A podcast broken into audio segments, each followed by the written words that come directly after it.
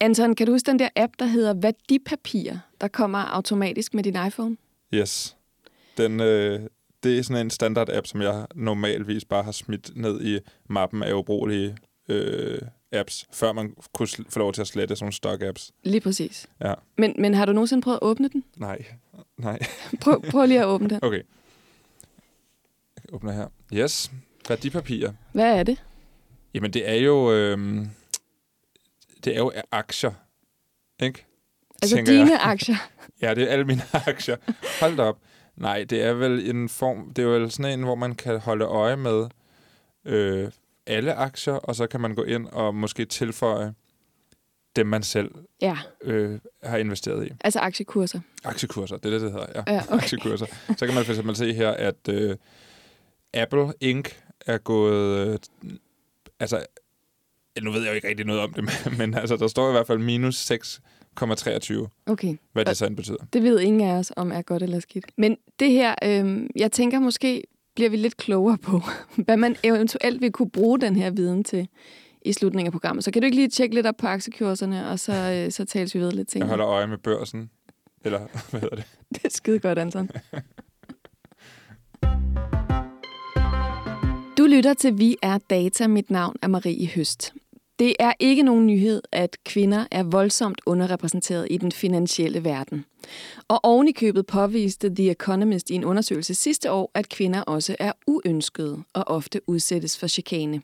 Men internettet har gjort det muligt, og efterhånden også relativt let, at handle med aktier og valuta hjemmefra, uden at skulle forholde sig til forventninger om hverken blå skjorter, spacerdragter eller de rette fagudtryk.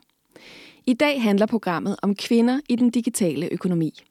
Jeg får besøg af Christine Bjerke, som har skrevet en bog om FX Beauties, et netværk af millioner af japanske kvinder, der handler med udenlandsk valuta.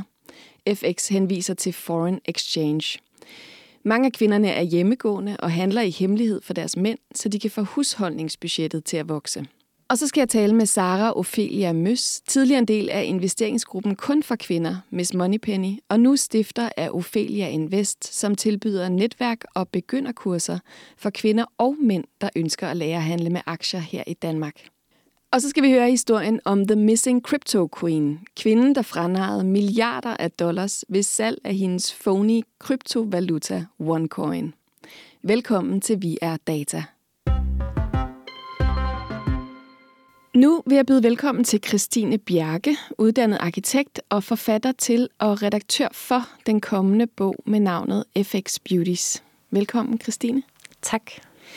Bogen byder på en række tekster, der undersøger moderne kønsroller og finansielle systemer og forbundethed i det hele taget. Og de tager udgangspunkt i en gruppe, der kalder sig FX Beauties. Vil du fortælle, hvem de er? Ja, FX Beauties er øh, et af de største netværk af kvinder, som handler med digital valuta, og i det her tilfælde i forhold til FX Beauties er det det største netværk i Japan. Og det er øh, primært øh, husmødre, øh, som handler med digital valuta fra hjemmet. De voksede som netværk øh, øh, meget øh, øh, ret øh, ekstremt, især siden øh, 2008, da der var det finansielle krak globalt set, og så også øh, efter 2011, hvor der var øh, Fukushima-katastrofen. De er en, et stort øh, digitalt netværk, som, som både handler fra, på deres egne vegne, men også i stigende grad har været med til at stabilisere den nationale økonomi i, øh, i Japan. Men du siger, de er husmødre, det vil sige, de går hjemme og passer ja. hus og børn og mand, måske sådan ret traditionelt. Hvordan kommer de så i gang med at handle med digital valuta? Altså det, der er interessant, øh, og det, der også øh, gjorde mig enormt interesseret i, i denne her sådan dobbeltrolle, som de har i forhold til at være husmødre, så de har hvad man sige, ansvaret for hjemmet. Øhm, og det, der er interessant i forhold til Japan, er, at øh, de også altid sådan traditionelt set har haft ansvaret for den hjemlige økonomi. Så, så kvinder i Japan har altid administreret den øh, indkomst, som kom ind blandt andet fra deres øh, husbunds hvad kan man sige, øh, løn, øh, og så via et system, der hedder Kusokai, øh, tog de så de her, den øh, indkomst og distribuerede den ud til blandt andet øh, opsparing, til øh, hvad kan man sige, øh, et, øh, et beløb, som, som, som husbunden så kunne bruge i forhold til sociale, at være social med. Så det var også alt efter, hvad hun, hvad hun så, han fortjente øh, okay. øh, i forhold til sin, sin rolle som, som, øh, som øh, husbund i det ægteskab.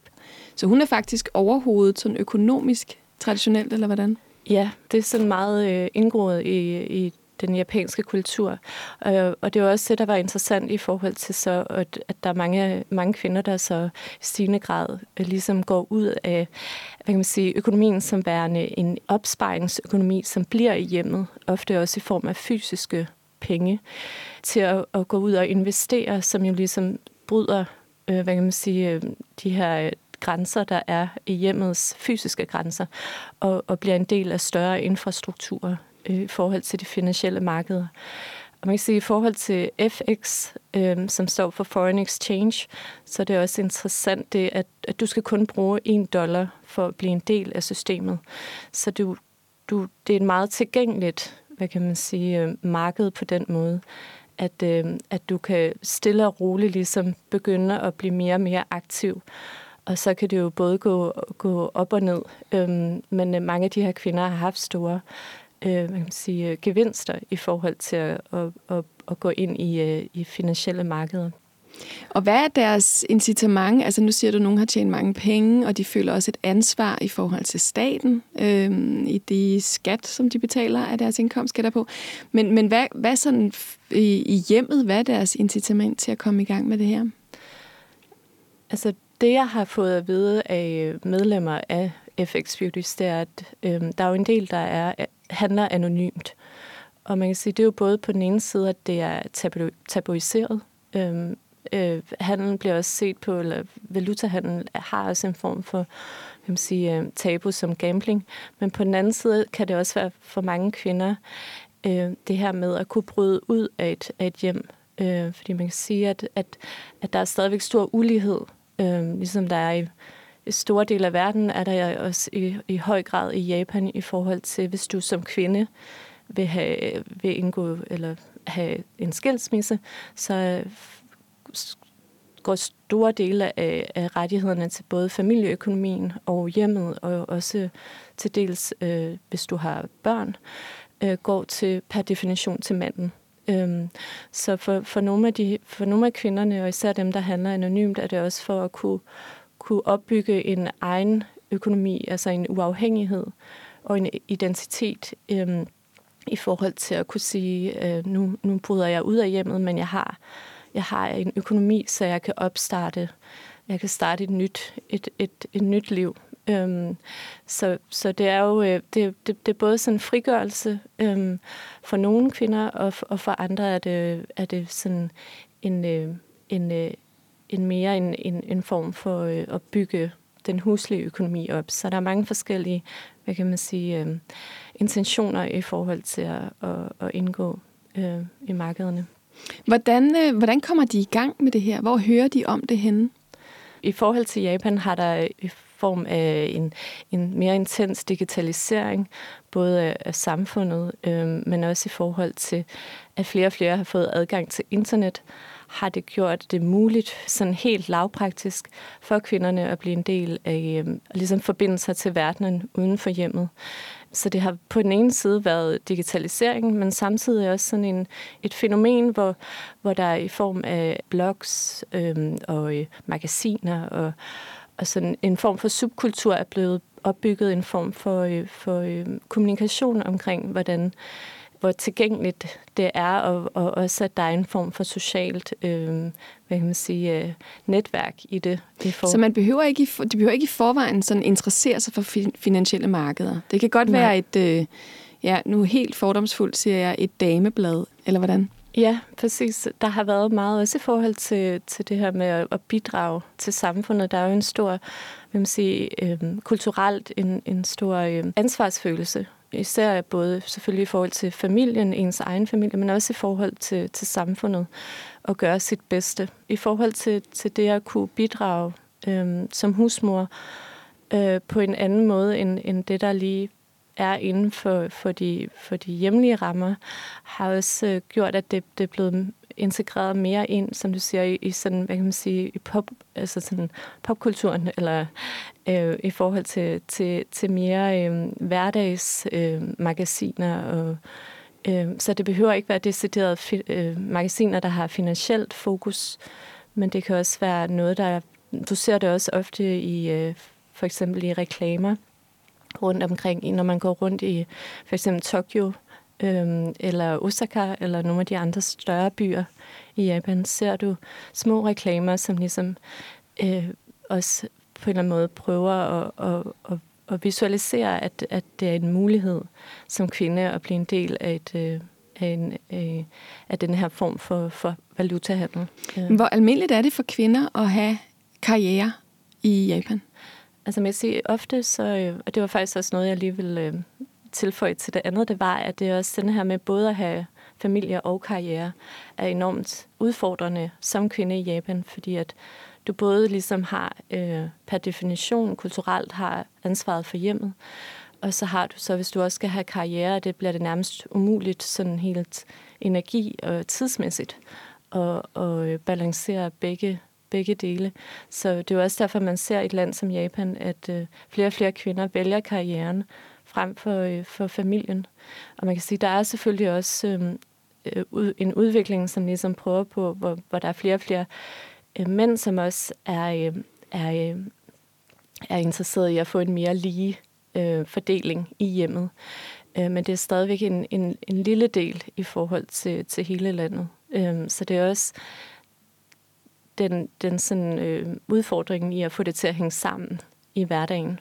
Øh. Men hvad er det så lige præcis ved handel med valuta? of all things, skulle jeg til at sige. Hvorfor er det lige præcis den ting, der er blevet så populær blandt de her kvinder? Først og fremmest er det, fordi det kan foregå fra hjemmet. Øhm, så det er noget, som kan foregå igen indimellem de forskellige huslige rutiner og andre gøremål. Og så er det også, at det er, øhm, at det er noget, som, som, som ikke kræver, at du, fys ja, igen, at du fysisk forlader hjemmet. Så det, at, at du, kan, du kan ligesom også hemmeliggøre det inden for hjemmets rammer. Øhm, og det er også derfor, man har set i stigende grad i nogle af de her hjem, hvor, det er an, hvor kvinderne gør det anonymt, handler med valuta, at de bygger computerne og de andre forskellige øh, tekniske øh, devices, som de bruger, bygger de ind i væggene, så det ligesom bliver, bliver noget, som bliver taget frem når husbunden og, og børnene er øh, ude af hjemmet, at hun så ligesom kan tage det frem og, og handle. Altså bygger ind som i at holde det hemmeligt? Altså ja. at man faktisk ikke kan se, at hun har computer og skærme og sådan noget? Ja. Okay. Det øh, har jeg fået at vide at, af medlemmer af netværket, at der er nogle kvinder, som simpelthen bliver nødt til at, at, at hemmeliggøre det helt ind til selve det, at, at de har øh, de teknologiske redskaber til at, at indgå i markeder. Åh, oh, det er vildt. Hvordan, hvordan bruger de hinanden, de her kvinder? Altså udover at, øh, jeg kan forestille mig, at øh, netværksmæssigt, man giver hinanden tips og sådan noget. Er der også en, øh, en, et socialt community i det her? Ja, øh, det der øh, også har været enormt interessant for mig at følge, er også i form af, at de er vokset som netværk, at de er også blevet mere og mere koordineret. Fordi man kan sige, at, at, at mange af kvinderne har ikke mulighed for at fysisk at mødes. Og det er både i forhold til, at mange af dem øh, bor uden for Tokyo, for eksempel. Så de bor i forsteder, hvor der, der er et kæmpe afstand, så de kan simpelthen ikke nå frem og tilbage, øh, hvis de skal nå det ind imellem de huslige, for eksempel de huslige rutiner. Så, så det, der har været enormt interessant med et netværk som FX Beauty Service, og det, jeg har fået fortalt af netværkets medlemmer, er, at det giver en form for øh, social følelse i og med, at du er en del af noget, der er koordineret. Så man kan sige, det, at du modtager øh, nyhedsbreve som med anbefalinger omkring, hvorvidt du skal at det bliver anbefalet, at du øh, investerer i øh, australske dollars eller euros eller øh, de forskellige valutaer, samtidig med, at der også altid er en, en form for øh, social øh, dimension til de her. For eksempel de nyhedsbreve, som Yukuko Ikibe-san, som er en af frontfigurerne for netværket, hun sender ud, øh, som jeg også modtager øh, et par gange om ugen, ligesom også både har det sådan finansielle aspekt, men også altid har en form for, øh, det kan være en fortælling omkring, øh, øh, hvordan noget dufter ude i haven, eller noget mad, eller noget. Så der er også de her sådan, øh, hvad kan man sige, øh, mere øh, sociale og mere øh, bløde værdier i forhold til, til at, og også øh, ligesom vise, at det handler ikke kun om, om, øh, om penge. Det handler lige så meget om at føle, at man er en del af et netværk. Hende her, Yukiko, hun er jo en, en kendt figur, også i Japan. Øhm, hvad er hun for en? Det, der er rigtig interessant ved hende, som jeg også øh, har været øh, enormt fascineret af øh, ved hende specielt, er, at hun, hun er i midt-60'erne, så hun er sådan i den her generations overgang øh, i forhold til det traditionelle og det sådan mere hypermoderne. Så hun, øh, hun var en af de første husmødre, som i Japan ligesom trådte frem og sagde, jeg har denne her dobbeltrolle. Jeg er både husmor, øh, passer, jeg passer huset, jeg passer min familie, jeg, men jeg er samtidig også øh, valutahandler. Øhm, så hun gik ud ligesom offentligt og også på en eller anden måde øh, gav en stemme til netværket. Øhm, og hun som person, jeg har mødt hende i, i Tokyo, hvor, øh, som var en enormt interessant oplevelse, også fordi hun ligesom altid iklærer sig det mest traditionelle kvindelige tøj, som er kimonoen. Hun er samtidig også øh, har den største samling af kimonoer i verden. Oh, øh, fordi hun tager alle sine, de sine gevinster og, og, og køber kimonoer også som en måde at, at ligesom, hvad kan man sige, investere i, i traditionerne og investere i, i et håndværk, som hun også øh, virkelig værdsætter, og som hun også siger, ligesom repræsenterer det her med, at alt har lag. Så ligesom kimonoen har op til, jeg tror det er 30 lag, så har hun, ser hun også sig selv som have mange lag. Og et lag er, at hun har traditionerne og, og kimonoen, men samtidig har, sidder hun så også med, da jeg mødte hende, sad hun med hun havde en computer med, og hun havde et par telefoner, og hun, samtidig med, at jeg interviewede hende, så skulle hun også øh, holde øje med sine investeringer. Øh, så hun, øh, hun er både sådan den, ja igen, den første kvinde, som stod frem på mere offentligt, sådan på en offentlig måde, men samtidig så er hun også øh, en af de koordinerende, hun har en af de koordinerende roller i netværket. Og det er blandt andet hende igen, som sender nyhedsbrev ud, og som også øh, tager initiativ til at, at udgive, hun udgiver en del bøger, som også handler om, hvordan man kan som nybegynder øh, kan gå ind i øh, digital valuta. Hvor svært er det egentlig at komme i gang? Altså det er jo, øh, det lader til at være mange, der tager det spring. Ja, altså da jeg startede projektet, begyndte jeg også selv øhm, at investere for at få en fornemmelse for, hvordan, hvad, hvad er det egentlig for en, en hvad kan man sige, aktivitet, og hvordan, hvordan gør man helt praktisk? Og hvad for nogle overvejelser ligger der også i det? Og man kan sige, det der er interessant også med digital valuta, er, at du, der er forskellige niveauer af risici.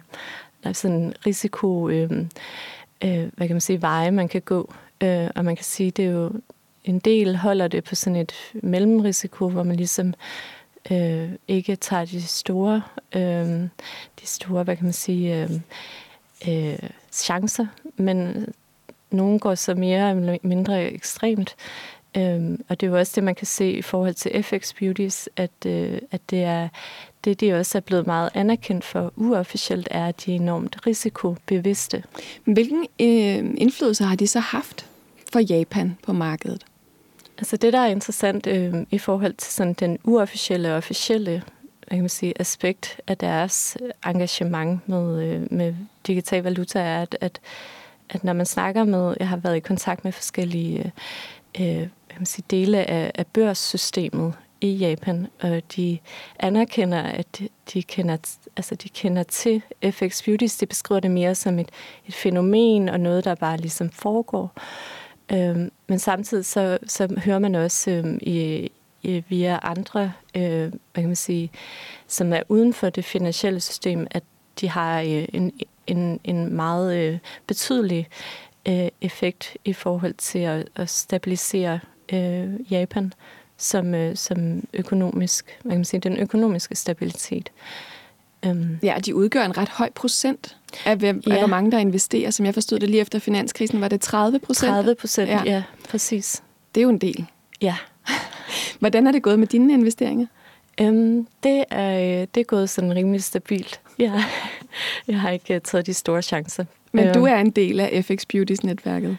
Øhm, ja, det kan man sige. Altså, jeg, er jo, øh, jeg observerer øhm, og øh, responderer øh, og ligesom lærer af dem, fordi det er også det, der har været enormt interessant, og er enormt interessant for mig også i denne her proces, er, at i og med, at de udvikler sig, så øh, føler jeg også, at, at altså det er sådan, derfor for mig, øh, det her studie er, er noget, som jeg tror kommer til fra min side at, at fortsætte.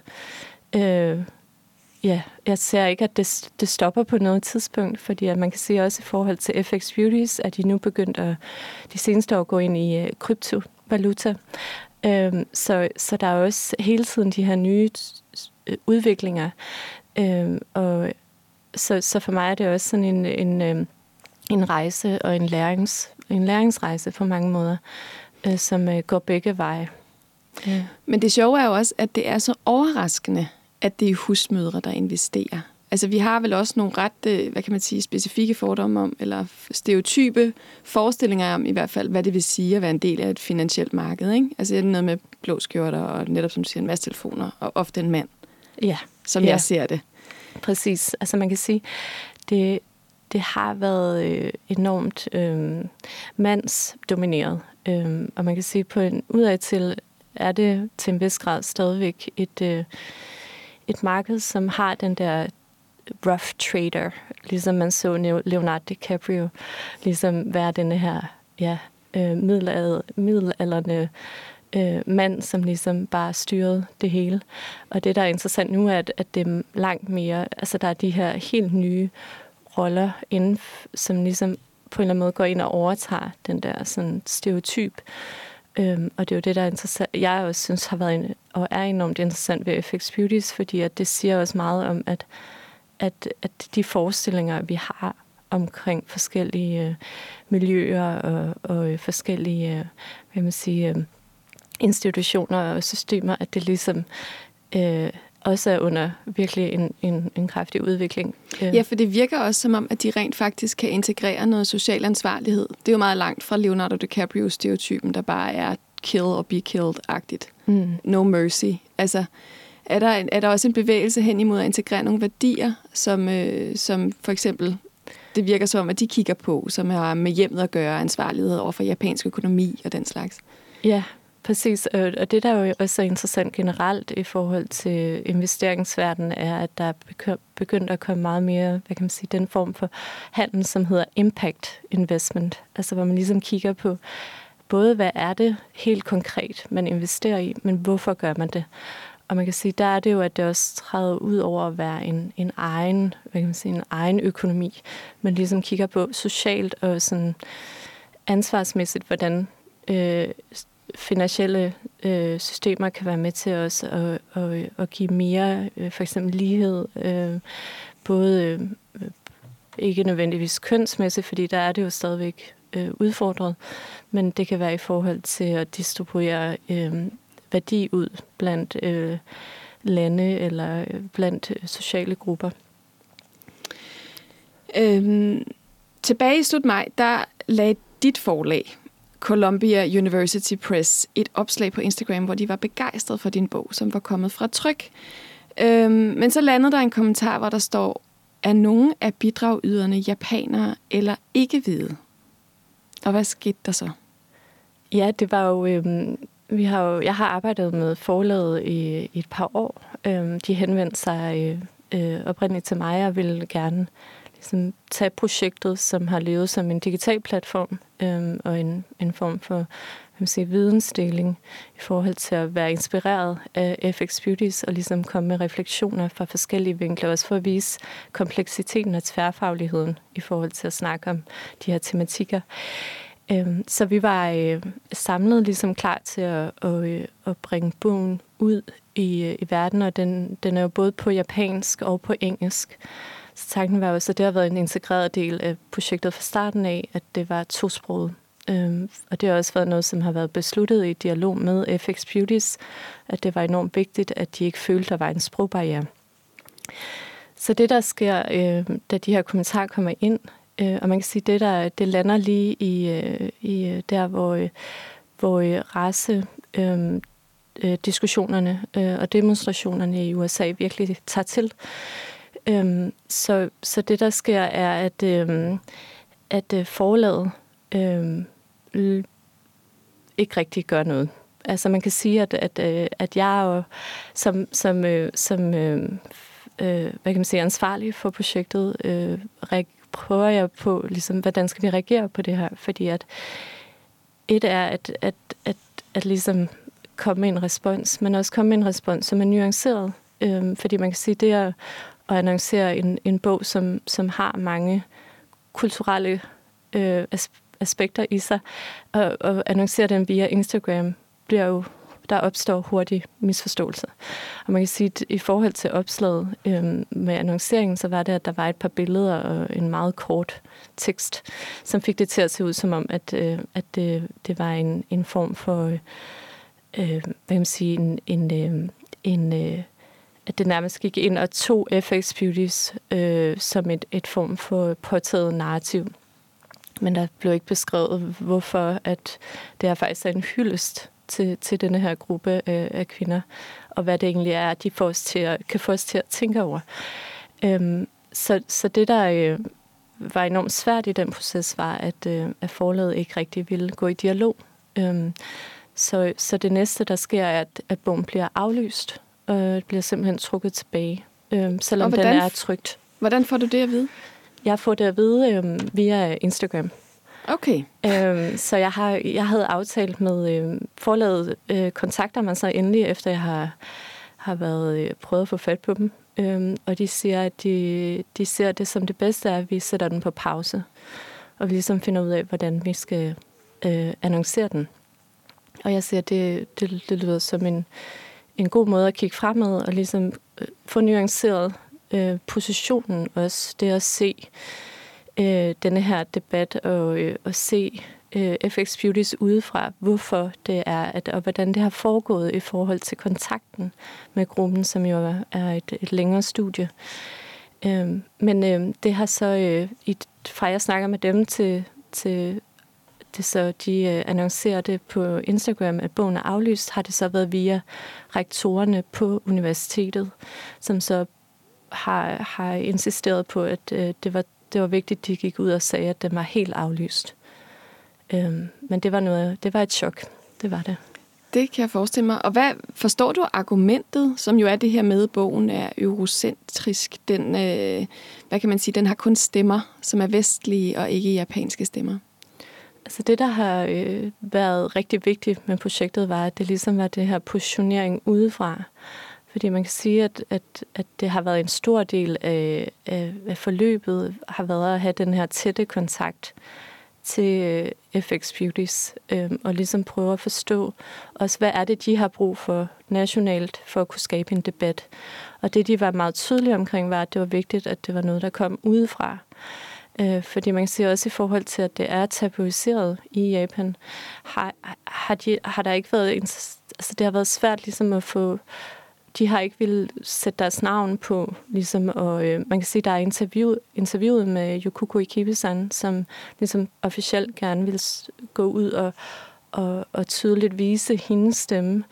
Men ellers så har det været det her med at sige, hvad er det, hvad er de større globale forandringer, som de virkelig inspirere os til? Hvordan kan det skabe en, en debat både på global plan, men også i Japan? Og der har det øh, været, at, at, at det var det, som det var den måde, bogen bedst ud fra den dialog, jeg har haft med dem, kunne, kunne bidrage til for dem, altså gøre gavn for deres, øh, deres, deres sådan et, så de kunne bruge den som et værktøj.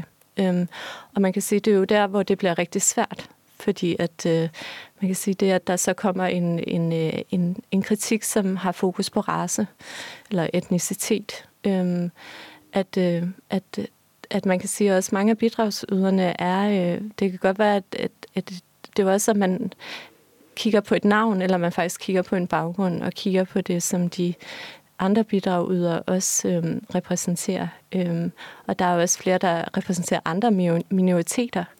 Så det bliver hurtigt sådan en, en symbolsk øhm, debat, som er svært at tage over Instagram. Også. Ja.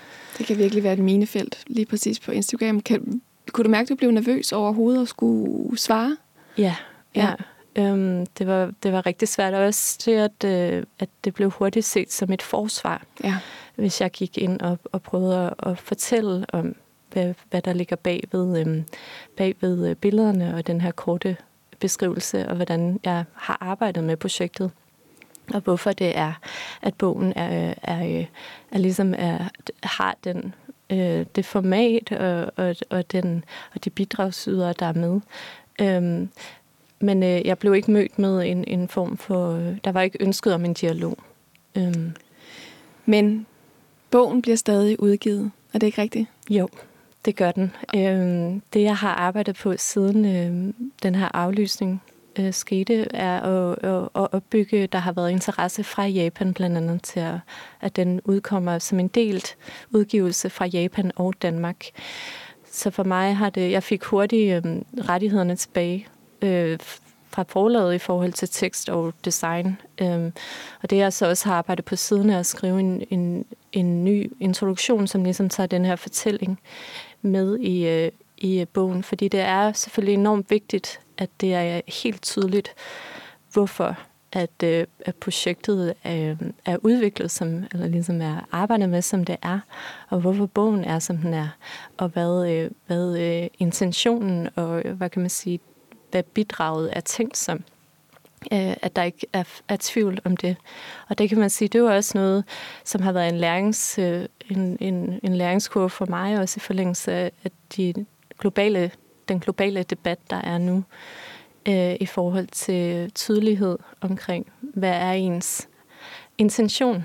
Øhm, og, og det er helt klart noget, jeg synes, øh, vi, jeg tror, vi alle kan, kan lære rigtig meget af. Så det er noget, som jeg også reflekterer meget over, øh, at få den tydelighed øh, og virkelig være bevidst omkring, hvordan noget bliver præsenteret. Det er jeg rigtig glad for at høre, eller jeg glæder mig rigtig meget til at få bogen i hånden i hvert fald, at det lykkes alligevel. Tusind tak, fordi du kom, Christine, og fortalte om FX Beauties. Tak for invitationen. I dag taler vi om online investering, der kan virke som en vej til lette penge. Hvis bare man forstår at investere i det rigtige på det rigtige tidspunkt, så kan man til synlædende nemt tjene mange penge. Desværre er det ofte sådan, at det, der ser for godt ud til at være sandt, faktisk er for godt til at være sandt som det viste sig for de mange mennesker, der investerede i kryptovalutaen OneCoin. Håbet om at tjene mange penge fik kryptolykkejæger over hele verden til at investere i det, de troede var det nye bitcoin. I virkeligheden var OneCoin et svindelnummer, som The Times kalder et af de mest omfattende i verdenshistorien. I 2014 der var hypen omkring kryptovaluta og bitcoin på sit højeste. Ja, de har set naboen tjene mange penge på bitcoin, øh, og alle snakker om bitcoin øh, nede i golfklubben og i vinterbadeklubben, og taxichaufføren har købt bitcoin.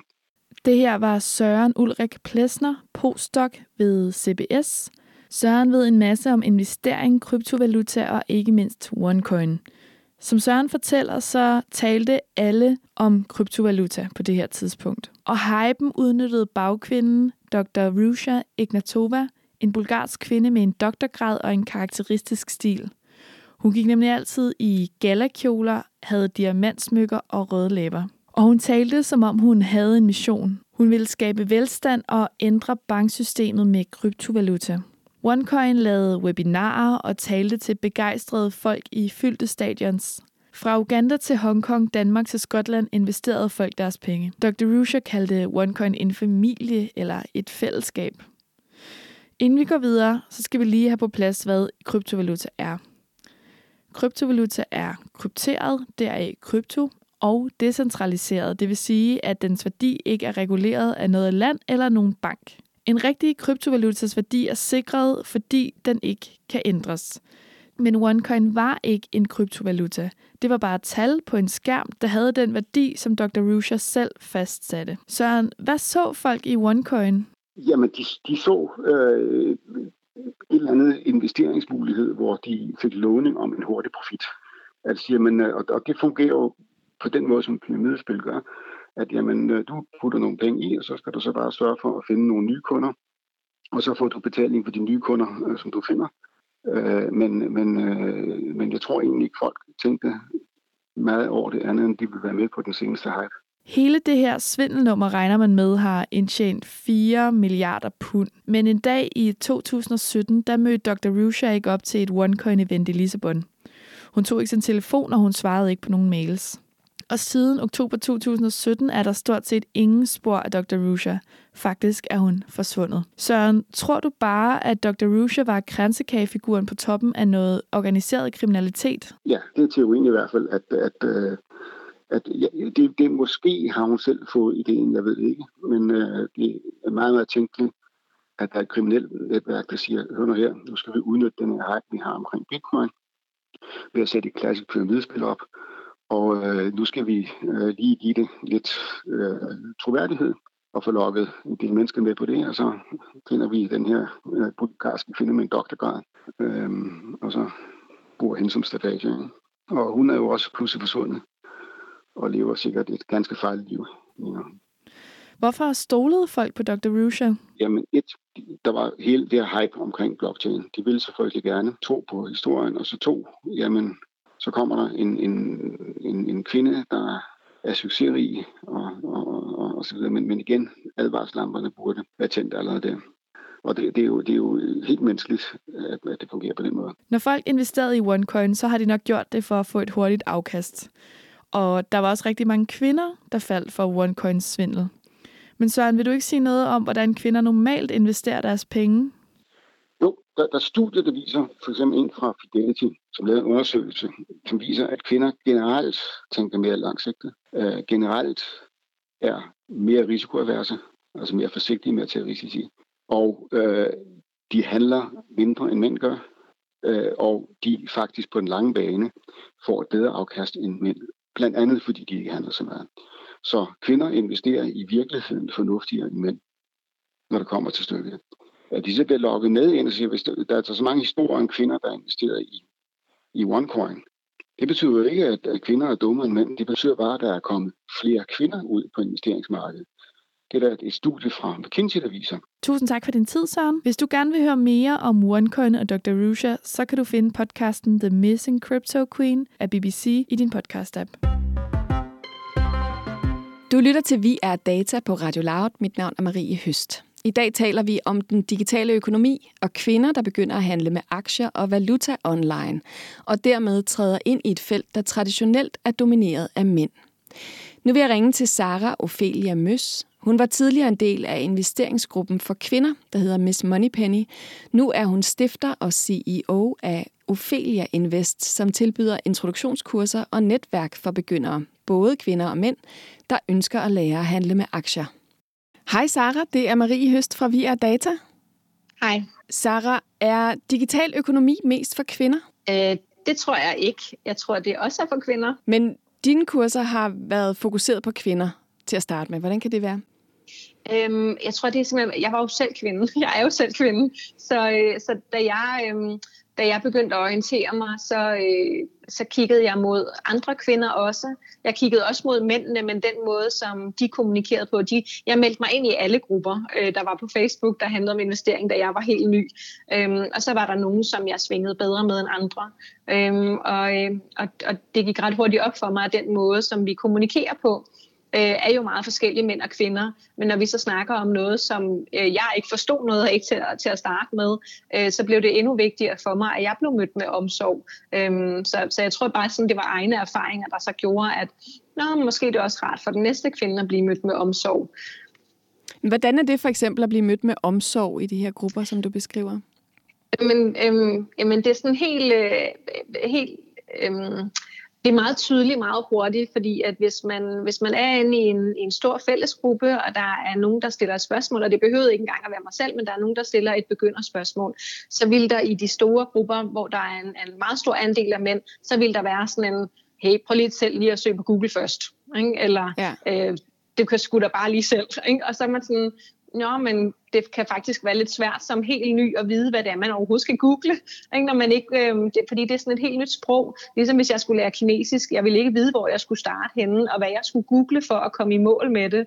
Øh, så, så nogle, altså alle de her begreber er så nye, øh, og, og det er en helt anden måde at øh, snakke om ting på. Så så der har jeg bare brug for, at, at både at jeg bliver mødt, og alle dem, som, som jeg møder, at det i stedet for, at du ved, fedt, du spørger, nu skal du høre, og hvis du har lyst, så kan du også søge videre selv her, men, men hvis du bare gerne vil have et svar, du ved, så er det det her, ikke? og måske et link med, med et eller andet. Ikke? Der er også mange mænd, der er sådan, men det, du kan bare søge på det her, i stedet for så lige at sætte linket ind og være lidt ekstra hjælpsom. og det kan også være, det er, fordi jeg har været øh, du ved, 16 år i service- og restaurationsbranchen, at jeg bare er super service-minded. Øhm, det spiller helt sikkert ind. Ikke? Jeg ved ikke, om alle kvinder er lige så service-minded, men øhm, ja. Men hvorfor, hvorfor, er det kvinder, øh, hvorfor er det vigtigt for kvinder at komme i gang med at handle med aktier? Øh, kvinder har jo en, øh, en, en dårligere opsparing, end mænd har, øh, på grund af en, en hel stribe sådan strukturelle ting. Ikke? Det, er, det er også der bliver gravide, og så skal, alt andet lige går der jo noget tid med at få det her barn, og, øh, og måske også at gå hjem på barsel i, i x øh, tid. Øh, det kan være uger, det kan være måneder, det kan være år. Øh, så, så vores øh, opsparing er bare mindre end, end mændenes, hvis vi sådan lever et, et traditionelt familieliv, ikke? hvor at, at det er kvinden, der tager det meste af barslen, og måske også kommer tilbage i en deltids ligestilling nogle år, mens børnene er små. Øh, og hvis man ikke får øh, aftalt det internt i familien, øh, at, at kvinden bliver kompenseret opsparingsmæssigt, så, så vil kvinderne jo have mindre på den lange bane. Så det er sådan, det er sådan de strukturelle ting, der gør, at, øh, at vi er nødt til at være med på det marked, hvis vi skal øh, gøre os forhåbninger om at fortsætte den måde, vi gerne vil leve på øhm, ved siden af mændene. Også når vi bliver skilt, og det gør 50 procent jo. Øhm, så så, så derfor så er, det, så er det vigtigt på den baggrund. Øh, så er der alle de andre ting, som at, at det er det vigtigste felt i verden, øh, økonomi og finans og, og altså verdensøkonomi, verdenspolitik, der ligger op til verdensøkonomi. Øh, og når vi ikke er med i det felt, så, øh, så har vi heller ikke nogen stemme der. Øh, så er, der ikke, så er der ikke nogen rollemodeller, og så, altså, så vi skal have sat gang i den her positive udvikling i stedet for, som også er godt i gang, mener jeg. Og hvilken betydning har de digitale løsninger for at komme i gang med investering?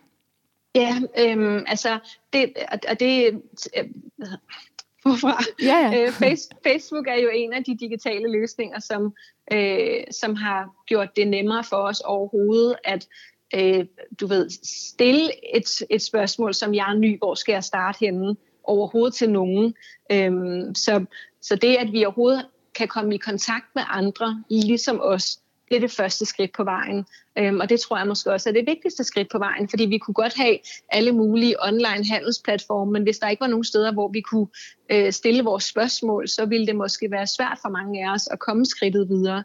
Jeg havde i hvert fald brug for at stille spørgsmål, da jeg startede, øhm, og det kan være noget så øh, så basalt som, øh, nu er der 30 sider, jeg skal skrive under på. Øh, har I andre læst de 30 sider, inden I oprettede jer på den her platform? Ikke? Mm. Øhm, så, så sådan nogle helt lavpraktiske spørgsmål til de, til de svære spørgsmål, som øh, hvad er det overhovedet, jeg skal købe, eller hvordan skal min strategi være, og hvor mange penge investerer i andre for, hvor, hvor meget skal jeg gemme på min opsparing til, hvis der sker noget andet. Så alle de der spørgsmål, det tror jeg, alle de her øh, online fora, øhm, hvor man kan have en dialog, altså ikke hvor der er envejskommunikation, men hvor man kan have en dialog og stille sine spørgsmål. Det tror jeg er helt sikkert det vigtigste, der skete. Øhm, det var det, der gjorde, at, at jeg kom i gang selv. Så det tror jeg er den første forskel, ja. Men udover selve communityet og muligheden for, som du siger, at dele erfaringer og stille spørgsmål, så er der vel også de her nye platforme, der har en brugerflade, ja. der gør det ja. nemt. Ja, øh, og, og det er der også helt sikkert. Der er, øh, der er kommet en masse øh, online-tiltag, der gør, at vi kan passe det ind i det liv, vi nu fører ved siden af. Øh, så hvis man nu øh, har en familie, og, øh, og børnene skal puttes, før man overhovedet har en halv time til sig selv, øh, det, det tror jeg, det har jeg øh, læst, og det er det, som travle kvinder har til sig selv. De har en halv time okay. på et eller andet tidspunkt af dagen, øh, inden, de, øh, inden de så går øh, omkuld selv. Ikke? Øhm, og den kan man så bruge på det, man vil, men der er jo ikke nogen bankrådgiver, der sidder klar til at rådgive en nødvendigvis om investeringer klokken øh, mellem halv ni og ni om aftenen. Så, så det der med, at vi kan passe det ind, når, når, vi, når vi vil, du ved, det kan være i bussen på vej til arbejde, eller øhm, ja, om aftenen, når vi sidder med computeren på skødet. Ikke? Så, så det, at det hele er blevet online, øh, og at der er så meget konkurrence på feltet, så priserne også er blevet rigtig billige, øh, det gør, at, at det er blevet for alle nu, ikke? i stedet for kun dem, som i forvejen vidste noget om det, og som havde let adgang til de ting i forvejen, måske havde øh, læst, altså gået på de rigtige uddannelser osv. Ikke? Nu er det blevet noget, som, som alle med helt almindelige jobs kan gøre, når det passer dem. Og den her radiokanal, den henvender sig jo til en yngre målgruppe. Hvorfor skulle de yngre interessere sig for at handle med aktier, for eksempel? Øh, fordi jo før man kommer i gang, jo bedre er øh, afkastet, og det er, sådan, det er helt absurde tal, når man kigger på dem. Øh, hvis, hvis man kommer i gang, når man er 18, så altså den her renters renteeffekt, det bliver kaldt verdens 8. vidunder, og det er der en grund til. Øh, det, det, det gør, at ens penge får den her eksponentielle stigning på sigt, som er helt absurd. Øh, man skal gøre, gøre sig selv en tjeneste og prøve at lave nogle af de regnestykker, så, øh, så, så vil man blive utrolig glad. og det er ekstremt motiverende at kigge på. Øh, og der vil jeg sige, at, at nu er jeg selv vokset op i en familie, hvor at, øh, at min stefar var på feltet, og han har ikke lært mig noget af det. Øh, og det er jeg da super ked af. Jeg kunne jo have haft øhm, utrolig mange penge nu, hvis jeg havde begyndt at investere, da jeg var 18. Så jeg vil sige, at hvis man, altså, hvis man bare har 100 kroner om måneden, 500 kroner om måneden, det kan være så lidt, så lidt, øhm, og, så, øh, og så ellers sætter dem til side. Øh, så kan jeg lige prøve at give dig nogle tal her. Hvis vi siger, at Øhm, nu markedet øh, stiger i gennemsnit 7% om året, det er det gjort historisk set, men de kloge derude, chefstrategerne og så videre øh, ude i bankerne, de siger, at den her vækst, den kan man nok ikke regne med fortsætter ud i det uendelige, fordi verden ikke kan blive ved med at vækste på den måde, den har gjort. Så hvis vi nu bare sætter, ned, sætter det ned til 5% om året, og så siger, at vi sætter 500 kroner til side om år eller om måneden, og gør det i 20 år, øh, så vil man efter øh, 20 år have have samlet øh, 200.000 sammen. Øh, og det vil jo være uden, at man egentlig har lagt mærke til det, fordi de fleste vil godt kunne lægge 500 kroner til side øh, om, øh, om måneden. Og 85.000 ud af de 200.000, det er ren afkast. Så det er altså penge, du har fået i gave fra aktiemarkedet. Men bliver det ikke lidt en identitetsbarriere, om man vælger at forsøge sig med aktiehandel? Altså min fordom vil være, at det gør man ikke typisk, hvis man er kvinde og hvis man er venstreorienteret. Øhm, ja, det kan godt lide det med den venstre til har jeg hørt før. Men penge er jo ikke dumme.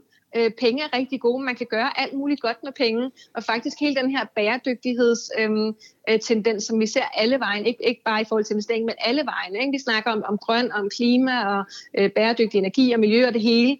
Øhm, alt det, der kan du gøre en kæmpe forskel. Og den største forskel, du nogensinde kommer til at gøre, det vil være gennem dine investeringer.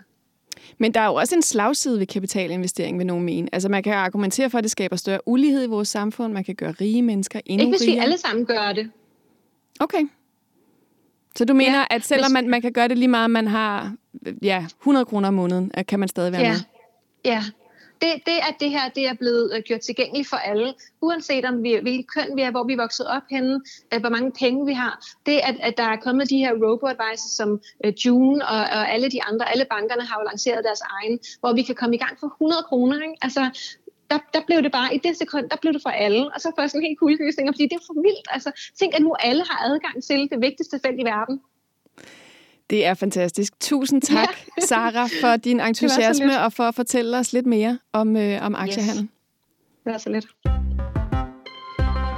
Du lytter til Vi er Data på Radio Loud. Mit navn er Marie Høst. I dag taler vi om den digitale økonomi og kvinder, der begynder at handle med aktier og valuta online, og dermed træder ind i et felt, der traditionelt er domineret af mænd. Her til slut i Via Data, der har jeg besøg af Anton Gade Nielsen, vært på All Caps, som også produceres her på Enigma og sendes på Radio Loud. Og Anton, han øh, glor hele tiden på TikTok og alle mulige andre fede steder på nettet med åndssvagt og begavet indhold. Øhm, men Anton, først, har du fået kigget på aktiekurser?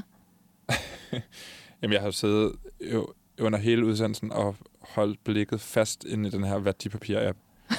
Jeg er ikke blevet, Hvad har du fået ud af det? Jamen, jeg, jeg er simpelthen ikke blevet klogere. Okay. Øhm, nej, jeg kan sgu ikke hjælpe. Altså, jeg synes, det ser rimelig stabilt ud. Fedt.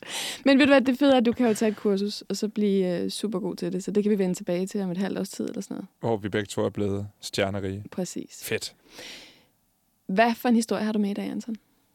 Jamen altså, øh, i dag der har jeg kigget lidt på en anden måde, man kan blive rig på. Ja, fedt. med, med en lidt mere besværlig måde. Lad mig høre. Det var her for i løbet af sommerferien, øh, for et par uger siden, der var der sådan det her kæmpe store hack inde på Twitter. Altså, ja. øhm, i korte træk, så handler det om, at flere ret store, prominente Twitter-profiler, blandt andet Barack Obama, Elon Musk, øh, Joe Biden og andre, Kanye West, skrev sådan en, øh, et tweet, som lød ret ens på alle kanalerne, om at øh, nu vil de gerne give noget tilbage til deres community. Det var simpelthen, de synes at det var på tide at, at betale lidt tilbage. Så hvis man skrev de overført nogle bitcoins til dem, så vil de øh, sende det dobbelte beløb tilbage. Altså til, en vel, til et velgørende formål, ikke? Nej, nej, til den person, der havde sendt... Nå, altså, hvis okay. Jeg, hvis jeg sender øh, 100 bitcoins til Kanye West, så ville han sende mig 200 bitcoins tilbage. Okay, fedt. Ja, det er som om han har tid til det. Det lyder som en super let måde at tjene penge på. Ja, øh, det, er, det er en super mærkelig måde at tjene penge på. Men altså, selvfølgelig var det jo ikke de her berømtheder, der havde lavet, øh, forfattet det her tweet og sendt det ud øh, på samme tid. Det, der, er, der er jo tale om en lidt større øh, svindelsag. Øh, folk, der har fået adgang til de her accounts, som jo man skulle tro var fuldstændig umuligt. Øhm, Og, og hvordan gjorde de det så? man ved det jo ikke 100%. Altså, Twitter selv har været ude at sige, at det var noget social engineering henover. Altså, at der er nogen, der har på en eller anden måde har groomet en medarbejder til at give adgang til, øh, til backenden på Twitter.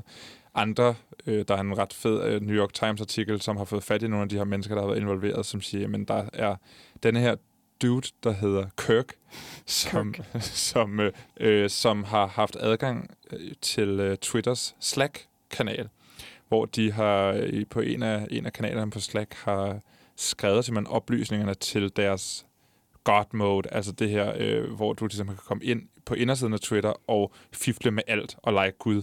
Ej, okay. Det, det, de, de informationer har de skrevet på Slack, og i virkeligheden ikke bare skrevet dem, men fastgjort dem Ej. et eller andet sted i en af de her kanaler. det lyder helt sindssygt. Til mere end bare de nødvendige, måske fire personer, der burde have adgang til det her. Så er der rigtig mange, der har haft adgang til det her. Ja. Det er så utroligt, det først nu, at det er sket. Og, og ham her, Kirk, har forsøgt at sælge, eller i hvert fald øh, prale med, at han havde adgang til det her, til nogle, øh, til nogle gutter, der, øh, der handler med øh, OG-handles, altså original øh, gangster-handles på Twitter, ikke? Hvad er original gangster handles? Jamen, det er de første handles, der er blevet lavet på Twitter. Alle har jo denne her øh, snabelag et eller andet navn. Men i starten var der jo ikke øh, så mange om budet, så derfor kunne man vælge nogle øh, ret korte navne, og der er simpelthen de høj kurs noget, for eksempel snabelag 6. Altså sekstallet. Ja. Det er et meget, meget simpelt, meget, meget nemt handle at have. Ja. Og de her handles er i høj kurs, og de bliver, øh, fordi mange af dem, som har, har haft de første, er jo døde accounts. Så hvis man ligesom har adgang til Twitters backend, så kan man øh, gå ind og ændre e-mail og telefonnummer på de her adresser, og på den måde give dem videre. Og så stjæler man simpelthen accounts med de her fede handles, Ja. kan man sige. Okay. Øh, og det, er- der, der er jo alt muligt involveret, øh, hvad hedder det, der er alt muligt øh, avanceret halløj i det her, med noget sim-swapping og alt muligt forskelligt, som jeg ikke sådan, nødvendigvis har specielt meget viden om, men, men ham her, Kirk, han prøvede ligesom at, at, at f- sælge adgangen videre via en eller anden øh, bitcoin-wallet. Og det er den samme wallet, angiveligt, der er blevet brugt til de her transaktioner, fordi der er selvfølgelig folk, der har hoppet på denne her scam og har sendt bitcoins til troede de Kanye West eller Elon Musk i håbet om at få det dobbelte beløb tilbage.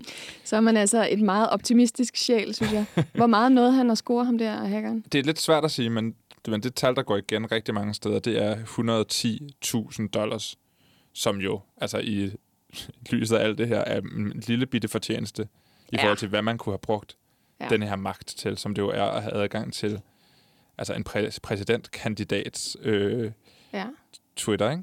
Der synes jeg på en måde, at Kirk kunne have været sådan lidt uh, wiser med, sin med sit hack. Men det kan jo også godt være, at alt det her er et øh, er smoke and mirrors, og at der i virkeligheden sidder nogle onde russere bag, og stadigvæk har adgang til Twitter, og på et eller andet tidspunkt kommer med et angreb. Ja, det hælder jeg til. Det, det er konspiration til det. Men altså, hvis man synes, det er interessant og gerne vil høre mere om det, så kan man jo lytte til All Caps fra i torsdags. Sidste torsdag må det så være.